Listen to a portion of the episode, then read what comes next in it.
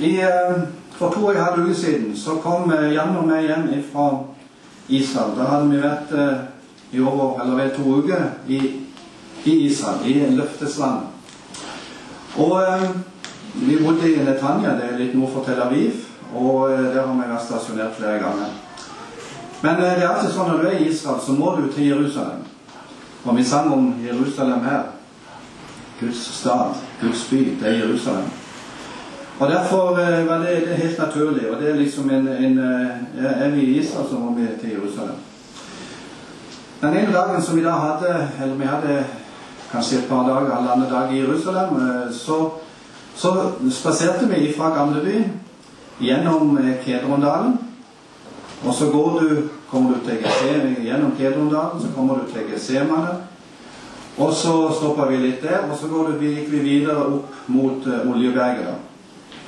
Når du går litt oppover Oljeberget, så passerer du et sted hvor det sies, eller nokså langt oppe på toppen av Oljeberget, så passerer du et sted der eh, det fortelles at eh, det var her Jesus gråt over Jerusalem. Og Da skal vi lese noen vers som står i Lukas 19, 41-44. Der står det Da han nærmet seg byen Nei, da han nærmet seg og fikk se byen, gråt han over den. Og han sa, Og du, om du bare på denne din dag hadde visst hva som tjener til din fred. Men nå er det skjult for dine øyne. For dager skal komme over deg da dine fiender bygger en vold rundt deg, omringer deg og trenger deg fra alle kanter. De skal jevne deg og dine barn som er i deg, med jorden. Og de skal ikke la det bli stein tilbake på stein i deg, fordi du ikke kjente din besøkelsestid. De fleste vet kanskje hva Jesus egentlig snakker om her. Fordi at ikke mer enn 40 år seinere så skjedde det et opprør blant jødene i år 66. Og eh, et opprør altså mot romerne blant jødene. Og det ble en forferdelig tid for Jerusalems innbyggere. Det førte til at mange hundre tusen ble drept i krig og sult og utmattelse og den elendighet som førte med denne krigen. Så kanskje opp mot 1,5 million jøder ble drept i denne krigen, som, som egentlig enda i år 70, når romerne til sist inntok eh, tempelet og eh, ødela Jesus sa det skulle ikke være stein igjen, og det ble ødelagt. Alt som var, mye ble brakt, tilbake, brakt med romerne tilbake til Roma. Men dette var altså profetert av Jesus mange år tidligere. Og um, hva var det Jesus sa til om Jerusalems innbyggere? Jo, han sa Og du, om du bare på denne din dag hadde visst hva som tjener til din fred, men nå er det skjult for dine øyne.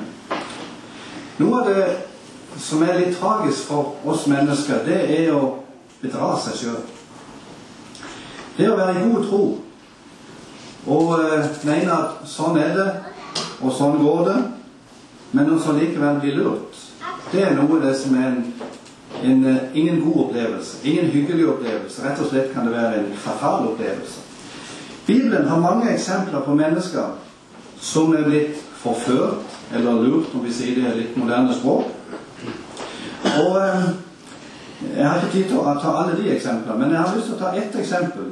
Det er en lignelse som Jesus forteller i Lukas 12, 16-21. Jeg skal bare lese den lignelsen der. Og han fortalte dem en lignelse. Det var en gang en rik mann. Jorden hans hadde båret godt, og han tenkte, hva skal jeg gjøre? Jeg har ikke plass til avlingen min. Jo, nå vet jeg det. Jeg river ned låvene og bygger dem større. Og der samler jeg kornet og alt jeg ellers eier. Så vil jeg si til meg selv, nå har du mye godt liggende for mange år. Slå deg til ro. Spis, drikk og vær glad. Men sa til ham, uforstandige menneske, i natt kreves ditt liv tilbake. Hvem skal så ha alt du har samlet? Slik går det med dem som samler skatter til seg selv og ikke er rik i Gud. Denne bonden han hadde satt sin lit til sin rikdom. Han trodde at hvis han bare kunne bygge låven større bygge eiendom større og større, så han hadde så mye korn at han eh, du regner med at han er nok for sin levetid, så eh, kunne han bare slappe av, spise, drikke og være glad. Men da kommer Gud med et spørsmål. Eller han sier til bonden Du uforstandige menneske. I den gamle oversettelsen så står det Du dåre. Og eh, i dag så ville vi kanskje ha sagt på litt eh, hardspråket 'din idiot', din uforstand, ditt uforstandige menneske.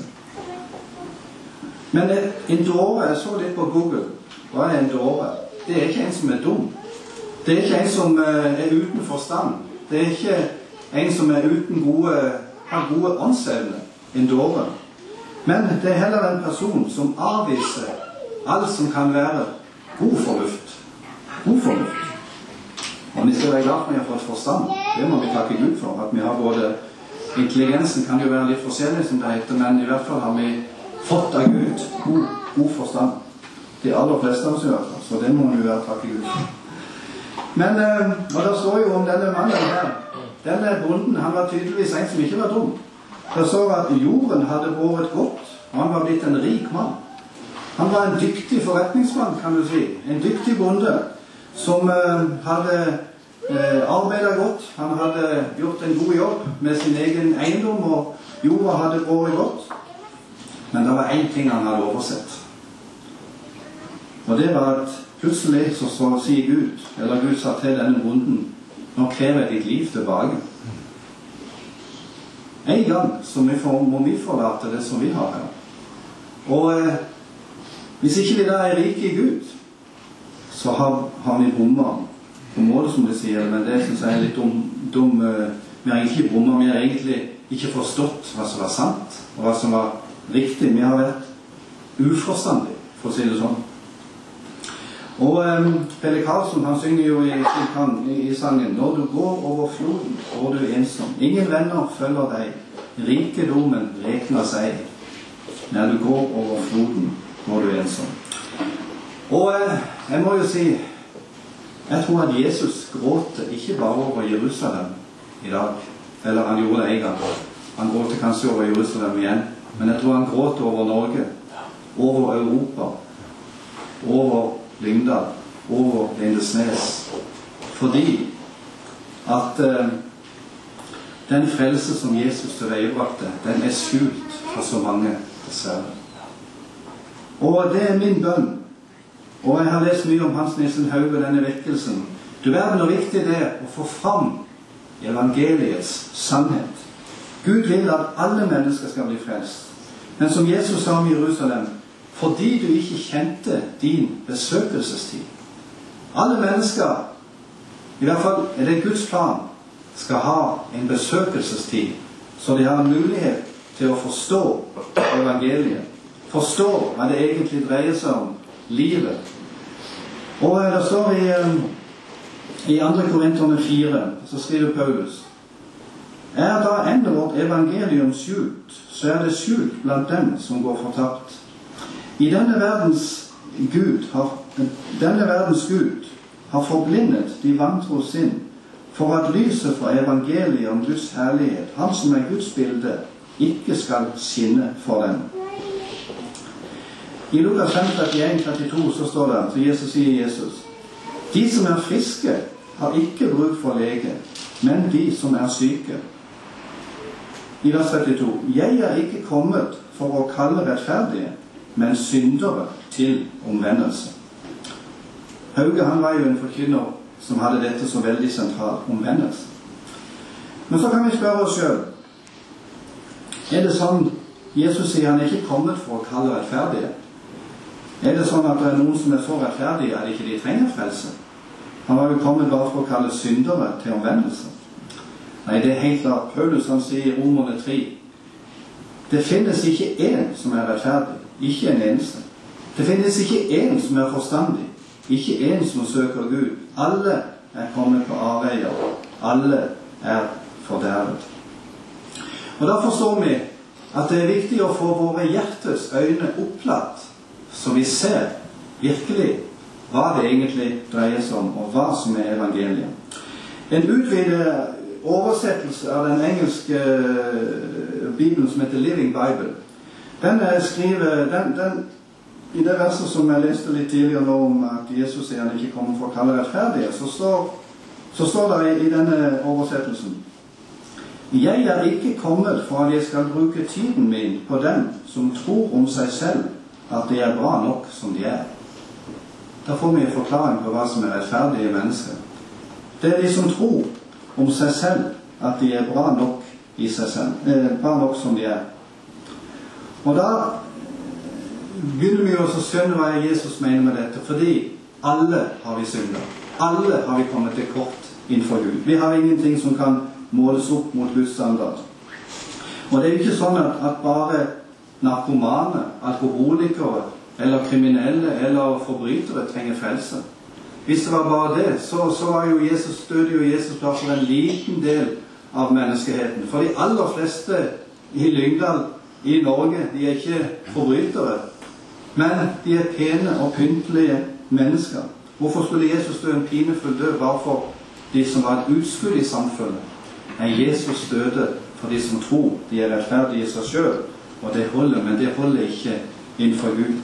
Derfor, derfor sier Jesus at eh, denne selvgodheten som vi dessverre har så mye av i dette landet, den religiøse selvgodhet som tror at den kan eh, være god nok i seg sjøl og frelse seg sjøl, den er utbredt i Vesten, for de regner ikke med at det er nødvendig å ta imot en frelse fra Jesus. Og Derfor er det mange som bedrar seg sjøl i dag. Jesus hadde, hadde lyst til å samle Jerusalems innbyggere som ei høne samler kyllinger under sine vinger, sier han et annet sted. Han har en lengsel etter at mennesker skal forstå at de må søke Han for å ikke bli bedratt en gang, som denne bonden ikke hadde regnet med at han skulle dø når han hadde gjort ferdig i alle lovene og samla korn inn. Men Jesus hadde kommet for å kalle alle, både de som eventuelt måtte kalle seg rettferdige, men det holder ikke innenfor Gud hvis det er egen rettferdighet. Når vi Israel, så, når, når, vi reiser til Israel, så pleier vi alltid å ta med en, en norsk GPS. Og jeg syns jo at GPS-en må jo være en av de beste oppfinnelsene som er, er gjort i uh, verdenshistorien. På å si, altså. Det er helt utrolig. Du bare legger inn en adresse, og så kan du kjøre rett til ankomststedet. Rett til døra.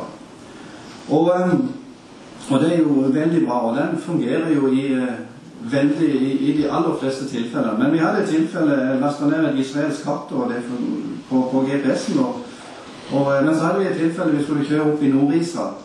Og så skulle vi prøve å gjøre veien litt kortere. Der var det en rundkjøring som så veldig grei ut å komme ut av. Og når vi, eller vi så et veikryss der. Men så var det en rundkjøring som Når vi kom der, så var den utkjøringa som vi måtte ha brukt, den var stengt. Og vet du hva det førte? Da måtte vi kjøre en lang omvei som tok én time ekstra. Så det er ikke alltid vi kan stole på GPS. Det er et menneskeverk, for å si det sånn. Eller et produkt av mennesker. Men eh, Og det var jo ikke så farlig. Vi klarte oss eh, en time ekstra gikk greit. Vi hadde ferie, så, så, det går jo bra. Men jeg har tenkt på det at eh, det viktigste er å få GPS-en fra Jesus i hjertet vårt. At vi har GPS-en. Vi følger GPS-en som Jesus har lagt ned i sitt ord, og at vi følger det. At ikke vi bedrar oss sjøl. Og eh, det er min bønn i dag. At eh, dere må alle sammen tenke over, alle, Vi må alle tenke over våre liv. Vi kan ikke, vi kan ikke bare si og leve som vi vil. Denne bonden trodde han kunne spise og drikke og, og være glad, og det er godt. Vi skal takke for velsignelsene som Gud har gitt oss. Men vi må ikke glemme det som er det viktigste, vår sjel. Og når det gjelder en som hadde åpenbaring, som skjønte hva ting gjaldt, det var han som det står om i juleevangeliet i Lukas 2. Det står om Simon. I Lukas 2, 28 så står det Simon tok barnet i sine armer, priste Gud og sa, Herre, nå lar du din tjener fare herfra i fred, slik som du har sagt. Med egne øyne har jeg sett din frelser, som du har beredt i alle folks påsyn. Et lys som blir til åpenbaring for hedningene og til ære for ditt folk Israel. Simon han hadde han så mye lenger enn de aller fleste på hans samtid. Han så til og med at hedningene, en åpenbaring for hedningene, som er oss. Dette så ikke apostlene engang etter menigheten ble grunnlagt på pinsedag. Gud måtte åpenbare for Peter, senke ned en duk og få han til å spise ting som han ellers ikke ville ha spist i det hele tatt. Og da skjønte de at jo, at evangeliet og frelsen den var for, for hedningene. Men dette så Simon allerede. Men der står, der står at han kom til tempelet ledet av Ånden. Og tidligere så står det at eh, Den hellige ånd var over. Vi trenger Guds ånd for å åpenbare det som eh, er skjult i våre liv, sånn at vi kan være rede innenfor Gud en dag. Fordi at hva er det evangeliet gjør med oss? Jo, det åpner hjertets øyne, og det avkler vår egen rettferdighet.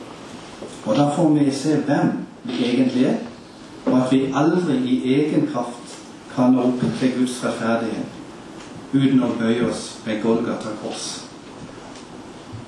Da Jesus døde for hver enkelt av oss.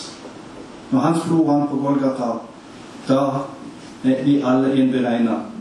Og når vi får den åpenbaring, da forstår vi Da får vi et rett perspektiv på liv og evighet. Jesus, jeg bare takker deg fordi at du kom. Jeg takker deg, Herre, fordi at du er den som har frelse å tilby. Jeg takker deg fordi din, din død, Herre, som, eh, som, eh, som ble fullbrakt på korset. Takk for den, den, den gjelder for alle mennesker. Og jeg takker deg fordi at vi får lov å bare legge oss sjøl ned for deg. Vi ønsker å ta imot din frelse. Vi ønsker å være blant de som, som ikke bedrar oss sjøl, men vi ønsker også å være ærlige for deg, Herre, at vi trenger din frelse. Vi trenger din rettferdighet. Vi trenger det som du vil gi oss. Herre, bare ber deg om den jula som ligger foran, at vi har eh, klare øyne, Herre, som vi ser at den frelse som er når du kom inn i verden, Herre, så var det fordi at vi skulle få ta imot deg. Jeg ber deg, Jesus, takk Herre at du bare la det gå inn i vårt liv, og la det bli jul hvor du er sentrum, og at ikke alt det andre kan, kan skjule for deg, Herre. Vi ber om det i Jesu navn. Takk at du velsigner de som er her i dag. Takk at du bare, bare lar det, de som står i arbeidet her, vi bare velsigner hver enkelt i Jesu navn. Og vi takker deg fordi at du går foran og åpner dører og åpner veier. Amen.